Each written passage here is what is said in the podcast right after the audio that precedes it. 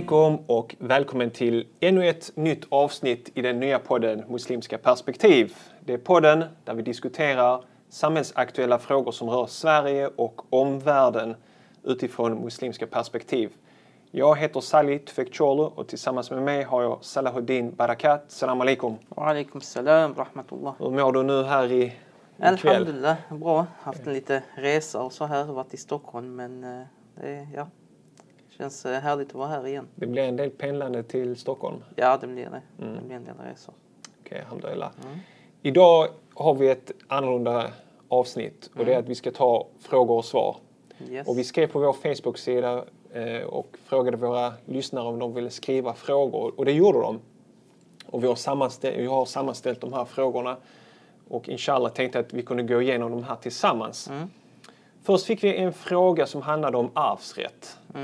Och eh, vi valde att inte svara på den därför att den är väldigt komplicerad. Ja, alltså när, när man talar om arvsrätten då är det väldigt många följdfrågor som måste ställas. Eh, det är många delar i ekvationen. Så att det är inte bara barnen till exempel utan man måste kolla på morföräldrar, farföräldrar, kusiner och liknande för att få fram rätt uträkning. Så det bästa är ju att faktiskt kontakta en lokal imam som kan sitta som är en rättslärd dessutom, som kan sitta och gå igenom de sakerna i detalj. Så, så varje fall är unik. Varje fall är Ja, unikt precis, precis. Och, det är väldigt svårt. eh. Okej. Så första frågan är då, som vi fick av en lyssnare, den lyder som följer. Hur ser islam på konst? Ja, alltså eh, generellt sett så ser vi att islam har en positiv syn på konst inom vissa ramar och inom vissa gränser. Och de ramarna sätts ju av den vägledning vi har fått av Gud, av Allah subhanahu wa ta'ala. Och då så har vi sett, på grund av dessa ramar har vi sett att vi har faktiskt, det har utvecklats fram en muslimsk konstkultur kan man säga. Där eh, överlag till exempel avbildning av levande ting har en mindre betydelse. Eh, och där man istället har utvecklat en väldigt eh, långtgående eh, tradition i kalligrafi, skrivkonsten, eh, men även geometrisk konst och liknande. Så att eh, det, jag skulle kunna säga att religionens eh, bud har på något sätt format konsten och fullkomligat den på ett sätt som, eh, som, är, som gör den muslimsk, som gör den islamisk. Och den skulle jag också se som en väldigt, vad ska man säga, en väldigt andlig konsttradition där det ofta är ett medel för att minnas Gud, ett medel för att komma närmre skaparen. Genom det sköna, det vackra i skapelsen så kommer man närmare skaparen. Och det finns en hadith där profeten säger Gud är vacker och älskar det vackra. Eh, och eh, det är någonting som är väldigt indikativt på muslimernas syn på skönhet generellt sett och att eh, om ni ska göra någonting, det finns en annan hadith som säger gör ni någonting så gör det väl. Gör det på ett ordentligt sätt och jag tror att man har strävat efter att eh, fullkomliga sina verk även om man anser att den absoluta fullkomligheten tillhör Gud eh, i slutändan. Och eh, så, så försöker man ändå på något sätt använda sig utav, inom de ramar som finns, av konsten för att förmedla ett budskap dessutom. Subhanallah, jag menar, om du tittar här på mina anteckningar här så är det jag har också med den här hadithen. Allah är vacker och älskar det vackra. Eh, och eh, och om vi tittar på liksom eh, i, i Koranen så finns det kritik mot poeterna. M- Men poesi är tillåtet i islam eh, som, som ett medel för att få människor att tänka på Gud. Och den poesin som Allah subhanahu wa ta'ala kritiserar eller inte tycker om är sån poesi som leder till att man kommer långt från Gud, att man glömmer bort Gud, att man, eh, ens fokus hamnar bara på det världsliga. Precis, Så- och det fanns ju poeter bland följeslagarna. Profeten själv uttryckte beundran över viss poesi. Även jahiliya-poesi. Eh, absolut, absolut, även förislamisk poesi. Och eh, följeslagarna eh, och profeten till och med berömde och gav sin en mantel till en av följeslagarna som tidigare han hade använt poesin mot profeten som ett propagandaverktyg. Poesin hos araberna var ju en väldigt, det var dåtidens PR-maskin kan man säga, väldigt starkt. Än idag så är poesin väldigt viktigt för araber generellt Påverkar sett och med. påverkar. Retoriken är väldigt viktig. Och det, den, denna poeten bland följeslagare vände sig sen och blev muslim och eh, använde poesin i gott syfte. Och vi kan se att, att eh, det uppmuntrades och, och eh, lyftes upp. Så att det är inte... eh, Allting är inom ramar som sagt för att det ska, ändamålen måste vara goda i sådana tillåtna eller neutrala medel. Precis, för då, då tänker jag liksom att så, som muslim så bör man inte bara förundras över muslimsk konst utan man kan även njuta av konst av, skapad av andra människor som förskö- förskönar livet och så vidare. Så länge det är innanför ramarna. Och det det, det som är så fint med profeten Muhammed Sassems uttryck om den här poeten s- från Jahiliya, att han hade mycket gott eh, i sin poesi. Så, eh, Och det finns visdom och det finns eh, lärdomar i poesin och det påverkar människans inre. Eh, men som sagt, det, det är ju inom gränser och de gränserna är till för att vi inte ska på något sätt hamna i en överdrift som skadar oss i slutändan. Eh, både vår, vår andlighet men även våra samhällen. Vi ser idag en viss slags, om vi vill definiera det som modern poesi, musiken och, och den eh, mycket av genren som finns idag tyvärr eh, inom populär kultur är ju väldigt, alltså budskapet det bär är inte någonting som vi kan, eh, som vi tycker är ett bra budskap. Kvinnoförnedrande väldigt ofta, sexifierande, objektifierande, våldsförhärligande och liknande. Det är väldigt eh, befintliga element i populärkulturen där islam skulle säga att det är inte det som är syftet och det är inte det som är skönhet till att börja med. Ja, det, är, det är en svår eh, balansgång också ibland liksom att veta vad, vad är det som är bra och vad som inte är bra. Alltså Man kan lätt... Där har vi, vi, vi har ju vår, den, den profetiska vägledningen, den koraniska vägledningen att utgå ifrån eh, i slutändan. Sen kan man ha viss meningsskiljaktighet kring exakt vad är okej och vad är inte okej. Eh, f- får man avbilda på vilket sätt, i vilken grad och så vidare. Där kan det råda meningsskiljaktighet mellan de rättslärda. Eh, och och det, är, det är sådant som finns i vår tradition, det meningsskiljaktighet. N- när jag tänker på konst så tänker jag också på de här vackra trädgårdarna som muslimerna eh, faktiskt eh, först skapade. Och så. Vi har trädgårdsdesign på min skola. Okej? Och, och läraren, eh, när hon höll presentation, pratade med eleverna så sa hon att liksom, trädgårdarna kommer från Mellanöstern, kommer från den muslimska världen. Och vi har Spanien också där det är såna här fantastiska trädgårdar. Mm, Andalusien. Andalusien och så vidare. Och he- hela tanken med trädgårdarna var liksom att eh, väcka den här längtan till paradiset och den plats där Adam kommer ifrån och så vidare. Och så att Allah är vacker och älskar det vackra. Så att, eh, det gäller verkligen liksom hitta det i konsten. Ja, och sen gäller, gällande detalj, detaljer. Då får man gå in i liksom varje sak. Och det, det, det tar många eh, minuter att gå igenom, eller det tar många timmar att gå igenom detaljer, så, rättsliga detaljer. Ja, det, så vi går inte in på det idag tycker Nej. jag i alla fall. Okej. Eh, vi kommer till en, till en annan fråga och det är hur ser islam på organdonation? Det är också en väldigt stor fråga men om vi kan ge några allmänna... Ja, Så här. alltså det, det finns ju mycket diskussion. Om man säger så här, generellt sett, traditionellt sett, så har man ju sett alla ingrepp på människokroppen som ett kränkande av människans ära. Eh, Koranen säger vi har ärat människan. Och, eh, och behandlandet av människan efter dess död ska vara likt behandlandet av det i livet. Alltså samma respekt, samma eh, upprätthållande av människovärdet eh, gäller. Och därför har det generellt sett, traditionellt sett varit att får inte lov att göra några ingrepp i människokroppen. Och det är den åsikten som många håller i än idag. Och många lärda säger nej, organdonation är inte tillåtet för att du gör ingrepp i människokroppen där du kränker dess ära helt enkelt. Sen finns det en grupp eh, rättslärda som är av åsikten av att nej men det här görs för att rädda liv. Och som vi Mm. Det, vet i det, det är islam... ju också en ganska stor grupp. Alltså jag, jag läste på Absolut. lite grann här. De har Absolut. haft stora möten i Malaysia, i Saudiarabien. Jag skulle säga det är har- allt fler Ja. nutida. Mm. Allt fler av de nutida eh, tar den åsikten. Och det, det är för att den grundar sig på en väldigt islamisk grund och det är att för rädda liv, för att rädda liv så blir det otillåtna tillåtet. Mm. Just för att rädda liv.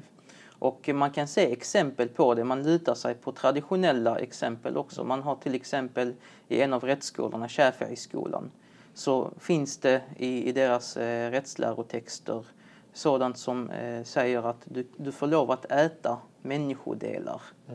Om en människa har dött Kannibal alltså? Ja, för att överleva. Mm.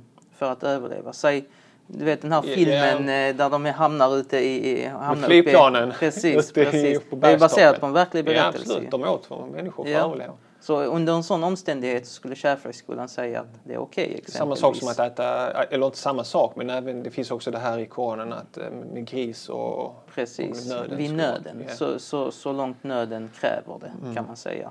Och liknande finns det exempel på, det finns ett exempel man brukar ta fram där om en kvinna dör vid förlossningen Mm. och det enda sättet att få ut det levande barnet är att skära i magen Mm. så får man göra det. Så där är ju en inskränkning. Du skär i människokroppen men du gör det ändå för att rädda ett liv, Ja, ett annat liv. Så man tar dessa exempel som grund eh, och denna rättsprincip om att det är vid nöd, räddande av liv, så blir det otillåtna tillåtet.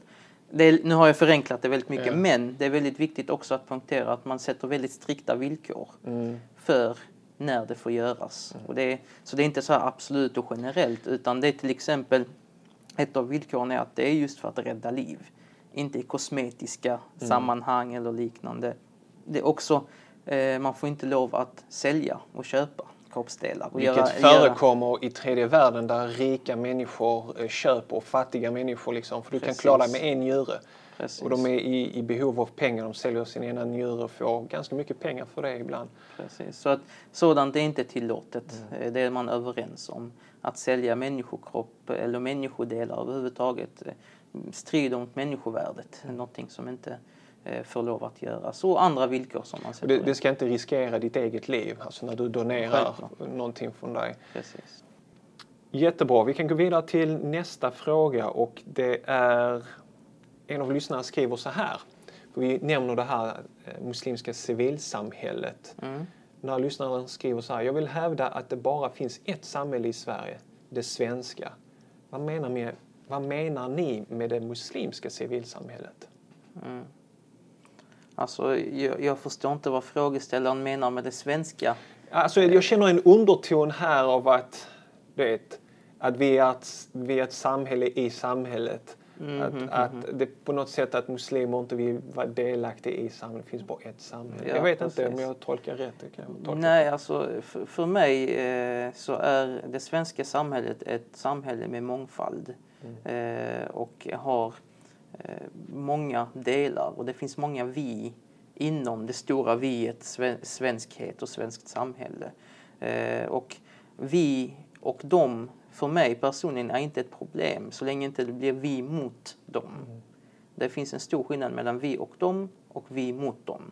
Och eh, vi har minoriteter i Sverige. Vi har erkända minoriteter per lag. Så som den judiska minoriteten, så som samerna och liknande. Men är de samhällen? Som- som Ja, då- självklart. Men sen, sen talar vi om civilsamhället nu som är en, ännu Ja, för att om, om jag bara kan hoppa in här, för jag har hittat av Mm. Okej, civilsamhälle. ja, men det är och då, då står det så här enligt Wikipedia. Mm. Civilsamhället eller det civila samhället är en del av samhället där människor hjälper varandra utan inblandning av staten. Mm. Exempel på aktörer inom det civila samhället är individer och olika privata sammanslutningar såsom välgörenhetsorganisationer, Mm. kyrkan, koloniträdgårdar, hembygdsföreningar, idrottsföreningar, privata stiftelser och andra institutioner som inte är offentligt finansierade. Jag tycker det förklarar ganska bra Mm. Ja, vad vi menar med ja. det Och att civilsamhället. det är muslimskt, det är att vi utgår från en muslimsk värdegrund och, eller har muslimsk profil eller liknande. Likt det finns judisk och kristet och eh, etniska civilsamhället, alltså Eh, de som har arabisk bakgrund eller turkiska föreningar eller andra somaliska föreningar. Och civilsamhället stärker staten, eh, försöker bygga upp den och hjälpa den så att säga Absolut. utan att den blir inblandad av staten. Mm. Vi går vidare till eh, nästa fråga. Finns det en... Jo, det här är beträffande namnet på vår podd. Mm. Finns det en anledning till att ni kallar det muslimska perspektiv och inte islamiska perspektiv? Vad anser ni att skillnaden är?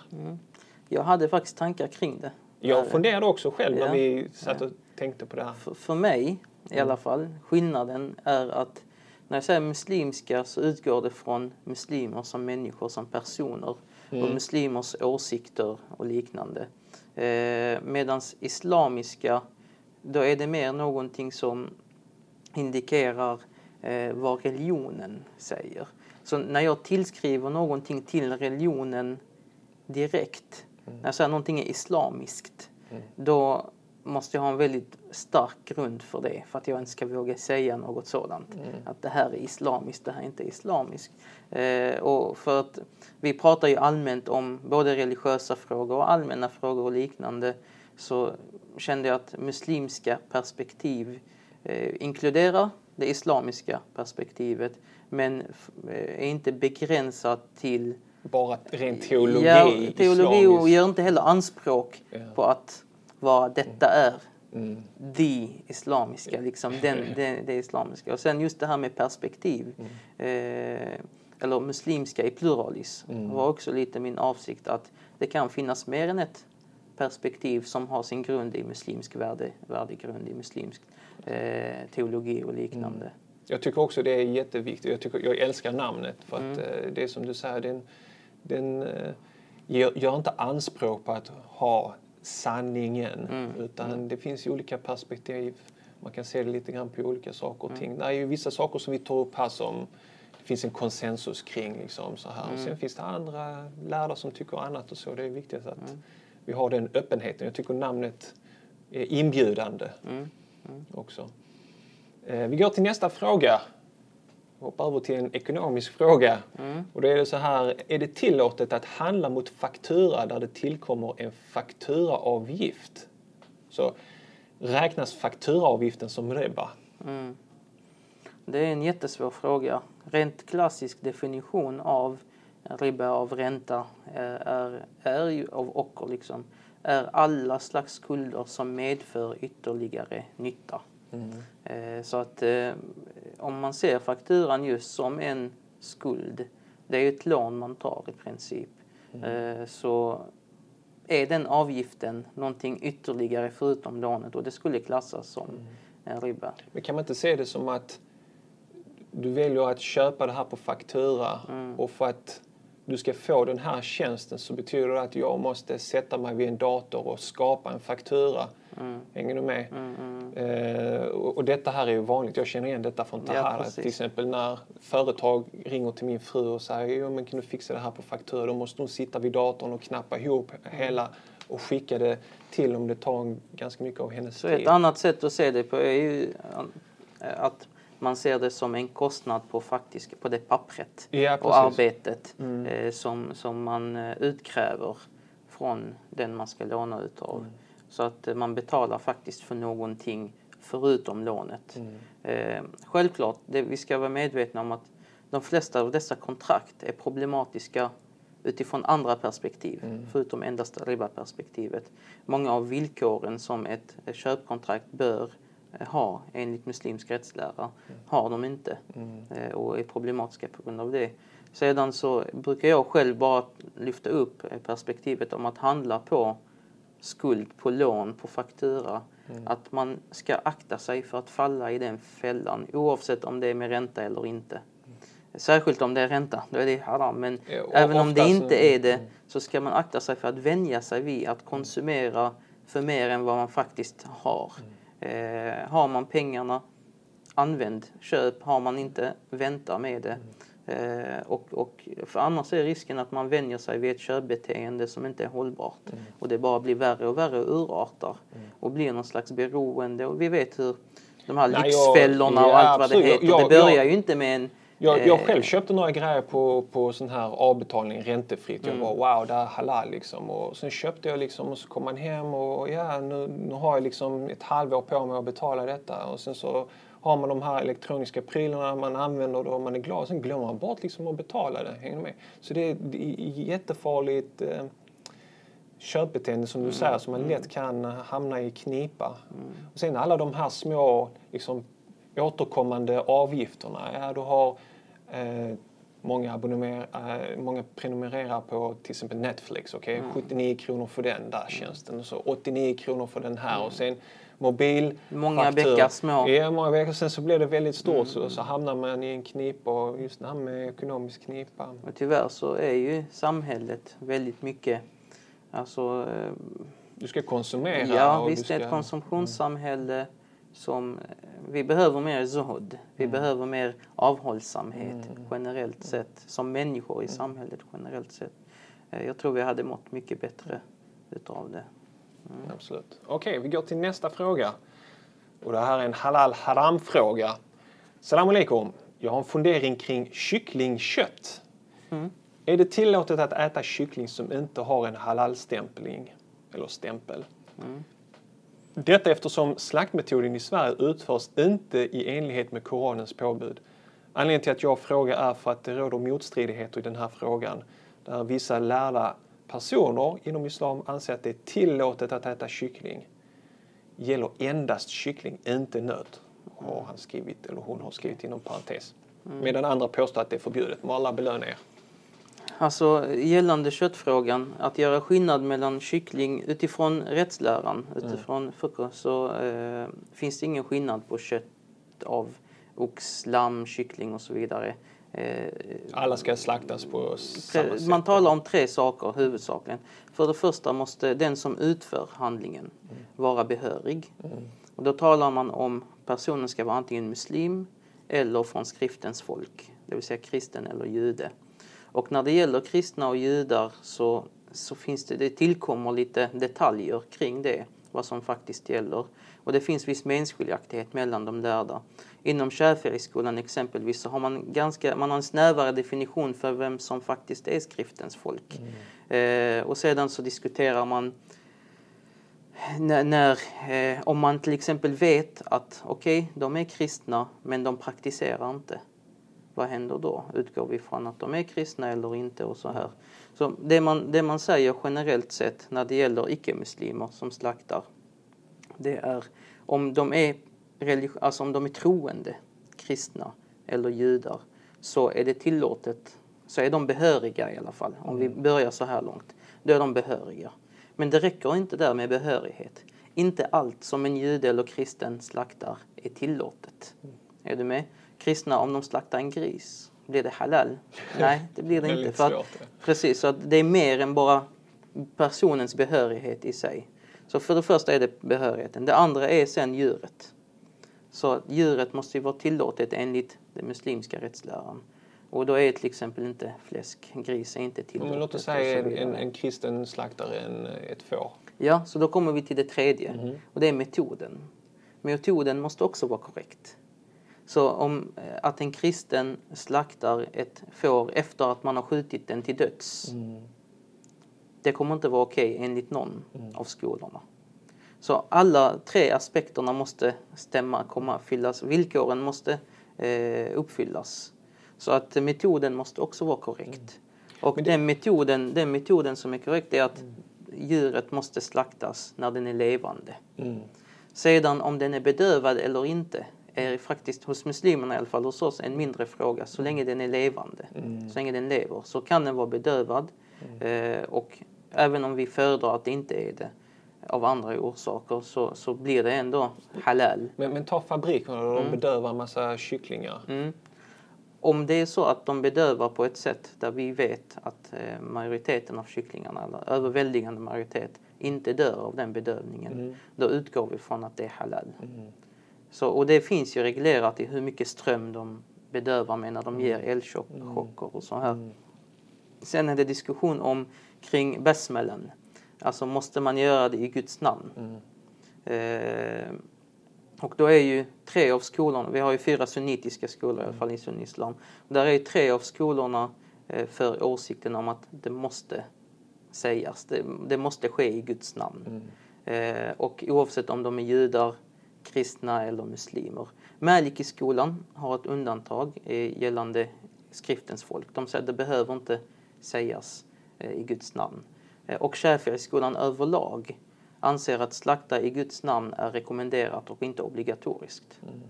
För, för alla, det viktiga för alla är att det slaktas, att det inte slaktas för annat än Gud. Mm.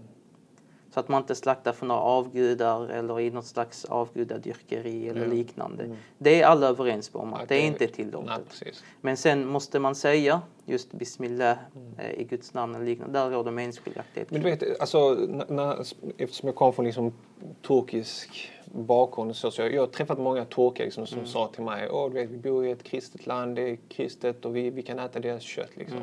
Så kyckling eller whatever, det är halal, ät. Och jag var alltid så skeptisk mot det tills jag träffade eh, studenter från Medina som pluggar islam i Medina och någon sheikh hade sagt där, det är ett kristet, kristet folk, gå inte in i detaljer, deras kött är halal. Så det var liksom studenter från Medina som satt och åt på McDonalds. Oj, Som, mm, okej. ingen kunde Ja. tro och tänka sig och föreställa sig det. Men Vad är din inställning till, till den frågan? Alltså, finns, för det mig, sån, det första- finns det en sån öppenhet eller du, nej den där Nej, åsikten? alltså för det första för mig, Medina eller inte Medina spelar mindre roll. Ja. Eh, Men med det vill jag ha sagt ändå att de pluggar och de, alltså där, där Ja. finns ändå liksom eh, lärda som, som är av den åsikten. Ja, absolut. Men för mig som, som eh, jag utgår från de fyra skolorna, de Mm. sunnitiska skolorna. Och där kan jag inte finna eh, någon större eh, vad ska man säga, stöd för det. Okej. Eh, särskilt om vi faktiskt inte kan definiera majoriteten av svenskarna som praktiserande Mm. eh, kristna. Och dessutom så vet vi om att de inte använder sig utav slaktmetoden. Det finns inte så mycket religiöst i våra slakterier i det här Nej, landet. nej, man använder sig inte av slaktmetoden. Man gör det inte i Guds namn. Eh, Även om vi skulle säga att det inte behövs göras i Guds namn så vet vi om att inte, metoden inte är korrekt. Och Men- att men- de men- antagligen inte heller ens är kristna enligt vår definition där du måste ändå bekänna och erkänna dig till en skrift. Ja, precis. Så sen, sen är det också viktigt att tänka på att de här fatworna som kommer utifrån, Mm. så de ser Sverige som ett kristet land i generell bemärkelse. är du med? är det det? Kristna är det... Europa och så. Ja, precis. Och det, det är ju för att de inte befinner sig i kontexten. Så de kanske utfärdar en dom som i sig inte är felaktig men som inte stämmer överens för att eh, deras, deras eh, bild av verkligheten här inte stämmer helt. Och det finns en rättsprincip som säger al-hukmu fir'un an tasawwurihi. Alltså en dom är ett resultat av föreställningen. Så som man föreställer sig att saken är. Så det kanske inte att de har gjort fel där utan att de, har föreställt de, de, sig. de, har inte fått den kompletta detaljerade informationen. absolut. Absolut. Det, det är också och sen kan som, det finnas minoritetsåsikter liksom, som de kanske har Ibland också hur du ställer en fråga, sånt svar får du också. Det så det beror det. på hur de ställde frågan till eh, den lärde. Då. Det det.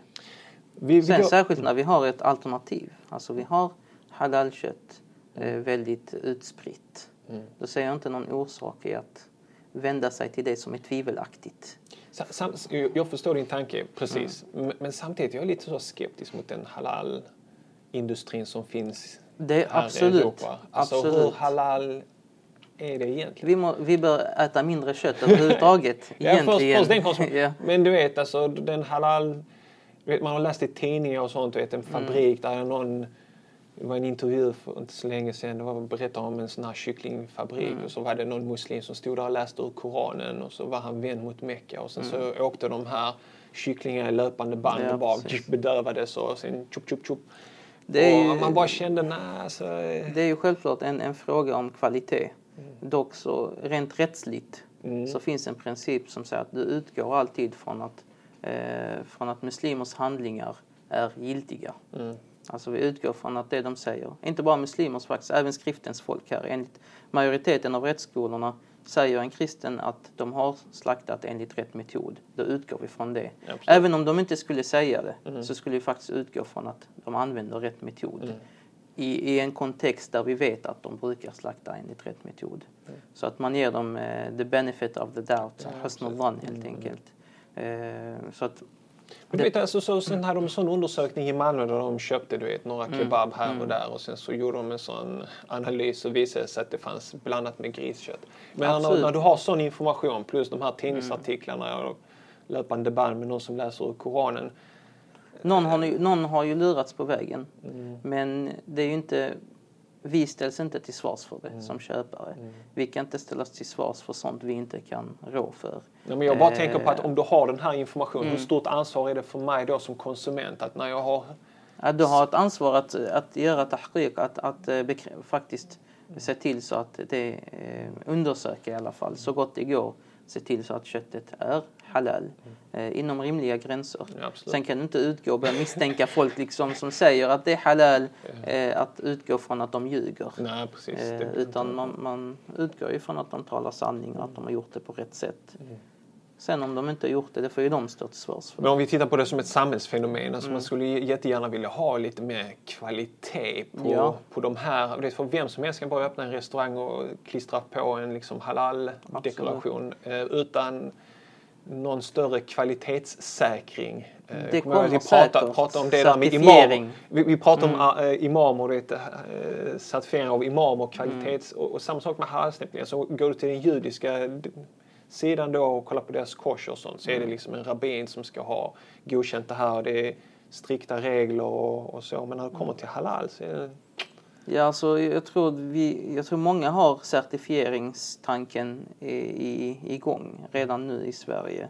Att man ska införa någon slags certifiering. Det finns i England, det finns i andra länder. Eh, där du har organisationer som går runt och kontrollerar helt enkelt att allt går bra tillväga. Och inte bara slaktförfarandet. Utan även omhändertagandet av djuren och liknande. Som också är en del av det muslimska eh, halal-tänket. Det är inte bara slaktmetoden. Utan hur tas djuren om hand om? Och det är där också som jag tycker är lite vad ska man säga, hyckleri från samhällets sida. Man ställer liksom krav på att de där 10-20 sekunderna som slaktförfarandet sker, att där måste det vara etiskt och bedövning och så vidare. Men innan dess kan de plågas i två år i uppfödning i burar och matas med kemikalier och jag vet inte vad. Det är inga problem. Är du med? Det, eller, en del säger det problem, men enligt lag så är det okej. Eh, Medan de här sekunderna där vi ska, eh, där man, Man utför... fokuserar på det, man tänker inte på hur, hur har Ja, det har det innan. ideologiska antagligen. Alltså, för, för vissa vet jag ju, det, nu kommer vi in på halalfrågan generellt sett, men jag vet ju att vissa har en ideologisk eh, grund som de tycker att det är fel att döda djur och så vidare.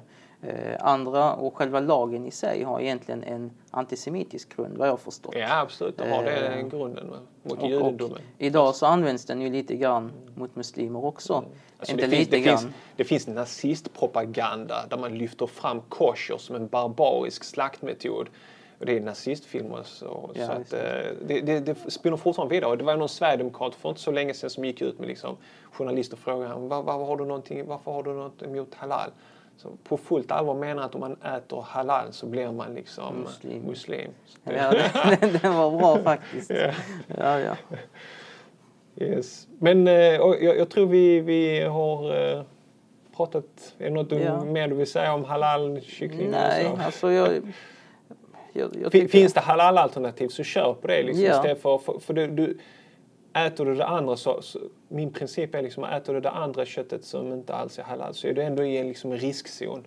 Så att vara på den det säkra minsta, sidan. Det minsta är att så- du är en shubha. Ja, Och vi har ändå blivit tvivel. befallna av profeten sallallahu alaihi wasallam att lämna det som är tvivelaktigt för det som är säkert. Mm. Ja. Så att det är det minsta Mm. man kan säga om det skulle finnas någon åsikt som eh, en, enligt eh, min förståelse så är det en väldigt eh, svag och långsökt sak att säga att det är tillåtet att äta exempelvis i McDonalds Mm. eller liknande.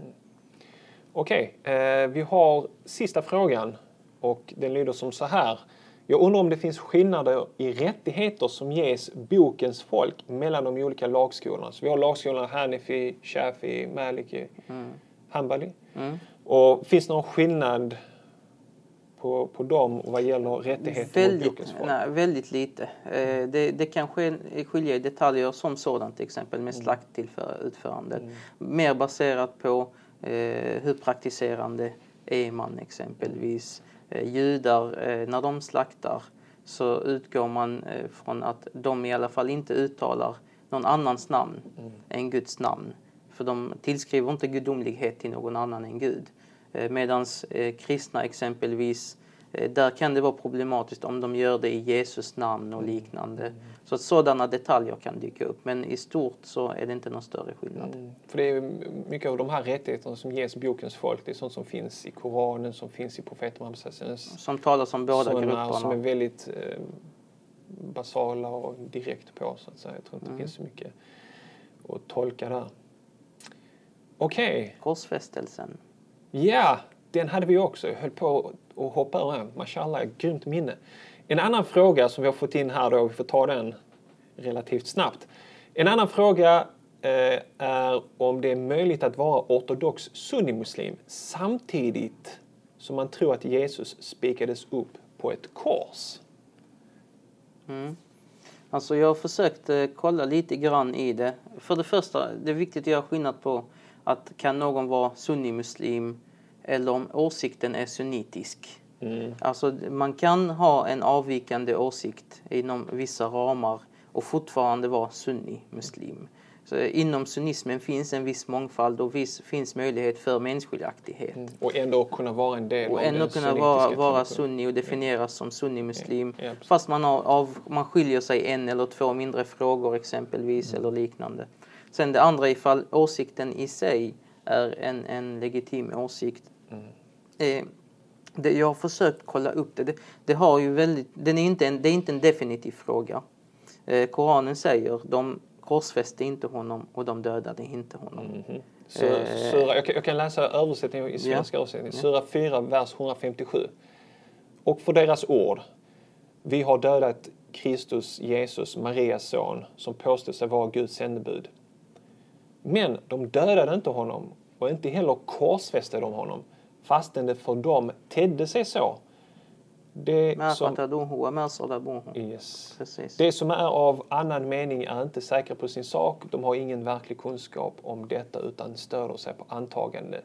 Det är med visshet så att det, att det inte dödade honom. Mm. Och här är det ju ordet korsfäste. Mm. Så det är lite vad man tolkar in i det ordet. Om man korsfäste så att man dog eller man hängde där för Precis, en tid. Och sen... vad, vad betyder korsfästelse? Mm. Betyder korsfästelse hängas på ett träd eller på korset och dö? Mm. Då, eh, om, om det betyder båda de sakerna så båda är, eh, viss, måste finnas med i definitionen av korsfästelse. Då kan man till exempel säga att han hängdes på trädet mm. men Eftersom han inte dog så korsfästes han inte. Det vill säga definitionen för korsfästelse måste inkludera ett dö döende på korset. Eh, men jag ser ändå den som långsökt. Mm. Eh, för att den använder både de korsfäste inte och de dödade inte. Mm. Vilket indikerar att korsfästelsen i sig behöver inte inkludera ett dödande. Död, ja. Samtidigt kollar man i vissa eh, arabiska eh, gamla lexikon och liknande så Ibn al-Manzur, en känd sådan, säger när han ska definiera att taslib, är korsfästelse då, mm. det ordet, så säger han eh, al-qitl al-ma'rufa. Det, det kända död, dödande förfarandet, dödsmetoden. dödsmetoden ja, precis. Mm. Så att han ser det ändå som att det måste inkludera ett dödande, ett dödande för mm. att det ska kallas för korsfästelse. Mm. Så på grund av det så blir det en, en spekulativ fråga mm. och eh, där man inte kan döma ut någon bara mm. för att ha fel bara sådär eh, lätt. lätt Men vi, vi, har inte någon annan hadith eller så som går in i detalj vad som hände med Jesus de här sista timmarna. Det finns ju den här teorin som lyfts fram eh, av muslimer att det var Judas Mm. Gud räddade Jesus och Judas, den här lärjungen som förrådde Jesus, Gud ändrade på hans skepnad så att han såg ut som Jesus. Och det var mm. han som korsfästes. Eh, men, så, men, man hittar inte det i någon hadith. Det är inte något som Nej, inte vad jag känner till i alla fall. Att det, de, de detaljerna, teorierna kring exakt hur det gick till är inte nämnda i några starka autentiska Som jag har förstått det så har den, den informationen om att Judas eh, omvandlades så att han såg ut mm. som Jesus och korsfästes. Det var sånt som eh, muslimer fick höra av kristna sekter och andra som blev muslimer som sa mm. ah, men i, i, vi trodde så här. Mm. Så det är muslimer som har tagit in den förklaringen så att säga. Så det är möjligt. Det fanns ju många eh, kristna minoritetssekter liksom, och grupper i Mellanöstern mm. som, som hade eh, sådana eh, olika avvikande från den normativa, det som blev sen den ortodoxa kristendomen. Mm. Men eh, rent islamiskt utifrån de muslimska källorna så finns det inte mycket. Eh, Men det som är det. säkert är att han dog inte. Precis, och han inte korsfästes. Det är säkert. Sen vad man menar med korsfästes, Ja. det står tydligt. Han korsfästes inte och han dödades inte. Vad menar man med korsfästelse? Vad som är ganska uppenbart, det är uppenbara om man skulle säga så, och det som majoriteten av de eh, tolk, korantolkarna nämner, det är att han inte ens hängdes upp på överhuvudtaget. Vil- Vilken är din, vil- vilken är din egen? Jag, har ingen, jag, jag, jag har inte, går inte in i det eftersom jag inte har några källor för det. Nej. Och det är inte så... Det är inte relevant för Nej, det min del riktigt, egentligen nej, utan det är hela eh, märkelsen av att vi inte kräver en korsfästelse. Vi anser att Gud är eh, barmhärtig och inte kräver offer för att förlåta. Mm. För det här, det här är har en vi inte- Mm. central kristen dogm. Att Jesus dog för människornas synder. Paulus säger i sina brev liksom, om Jesus inte dog för våra synder så är hela vår lära Mm. liksom, eh, Ja, och det, det bygger ju på arvsynden eh, väldigt mycket. Och både vi och judarna eh, anser inte att det finns någon arvsynd. Ja, precis. utan varje människa föds eh, enligt al-fitra som Mm. vi säger. En, en slags eh, rent tillstånd, eh, oskyldigt tillstånd. Mm. Eh, och eh, bär inte med sig någon annans synder. Nej, precis, och det, jag läser ju den här boken av Karen Armstrong som heter För Guds skull. Och i den här, de första kapitlen så går hon igenom det här och nämner det där med den här arvsynden fanns inte tidigare. Det är en kristen koncept som, som man eh, tog fram för att förklara Jesus och hans död och så. Det är inte något som finns på samma sätt i den judiska eller för den delen muslimska tron. muslimska. Nej, och det så, på så sätt blir korsfästelsen bara en, en väldigt underlig. Sedan att det dessutom läggs till eh, perspektivet att Jesus är Gud eller gudomlighet. Eh, det gör saken ytterligare problematiskt utifrån ett muslimskt perspektiv. Att Gud skulle dö. Det är, vilket vi anser vara en absurdhet. Ja, är och att det strider. Ja, och det strider emot både Gamla Testamentet som säger att Gud inte kan dö och mot eh, även Koranens budskap. Eh, så att det... det I, den, I den kristna dogmen också, det här kan vi ha ett helt annat program. Ja. då, då säger man att Jesus är perfekt människa och perfekt Gud. ja, ja, men, men den som dog måste vara Gud enligt den kristna tron, så som jag har förstått det. Men, Mm, Ja, det- det är väldigt komplicerat. Och, Ibn al-Qayyim, han säger i en av sina dikter att om Gud dog, vem var det som tog hand om världen då, Mm. universum och upprätthöll allting? Ja, det är många frågor man kan ställa faktiskt just i, i den och det kan vi säkert göra ett helt eget program om någon gång. Men eh, ja, jag tror vi svarat på frågan i alla fall. Absolut, Ja. absolut. Nästa veckas program, Mm. Vad kommer det handla om? Då ska vi nog tala om behöver islam, islam reformeras? Ja, precis. Det är en fråga som dyker upp väldigt mycket, det här med reform och vad är reform? Jag, jag var i Landskrona och eh, en av de som satt i publiken är en präst. Han pratade om Luther och den reformationen som den svenska kyrkan har gått igenom och han efterlyser en liknande reformation i, i bland muslimerna. Han kan inte se det och så. Jag, jag tycker det är väldigt, men vi, vi får diskutera det. Jag, jag, Jag, anser- jag har stött på det från andra. Absolut, han, det var väldigt vanligt. han var väldigt uppriktig i, sin- i, sin, i, sin, i sin fråga. Men jag, har stött, jag har läst frågan från människor med väldigt islamofobiska åsikter som liksom verkligen så här eh, Islam har aldrig haft en reformation, den är helt barbarisk. Jag håller inte med om att vi inte haft. Jag anser att vi faktiskt har haft det. Ja, men ja, vi får diskutera Vi det. sparar på Vi det till nästa gång. Inshallah, vi laddar upp för det för det kommer bli ett spännande, spännande avsnitt. Eh, Men vi vill gärna veta vad ni tycker om det som vi har diskuterat idag. Allt från halal, slaktande till eh, Organdonation. aktioner och annat. Så att kommentera gärna det här eh, avsnittet på vår hemsida muslimskaperspektiv.se. Och om du tycker om dagens avsnitt skulle vi jättegärna uppskatta om du tog då två eller tre minuter, loggade in på din Facebook och delade veckans, eller veckans avsnitt med dina vänner på Facebook. Och på så sätt hjälper du oss att nå ännu fler lyssnare som kan dra nytta av våra samtal. Och har du frågor eller vill tipsa oss om någonting eller vill komma i kontakt med mig eller Salahuddin så kan du göra det lättast genom att mejla oss på admin muslimskaperspektiv.se.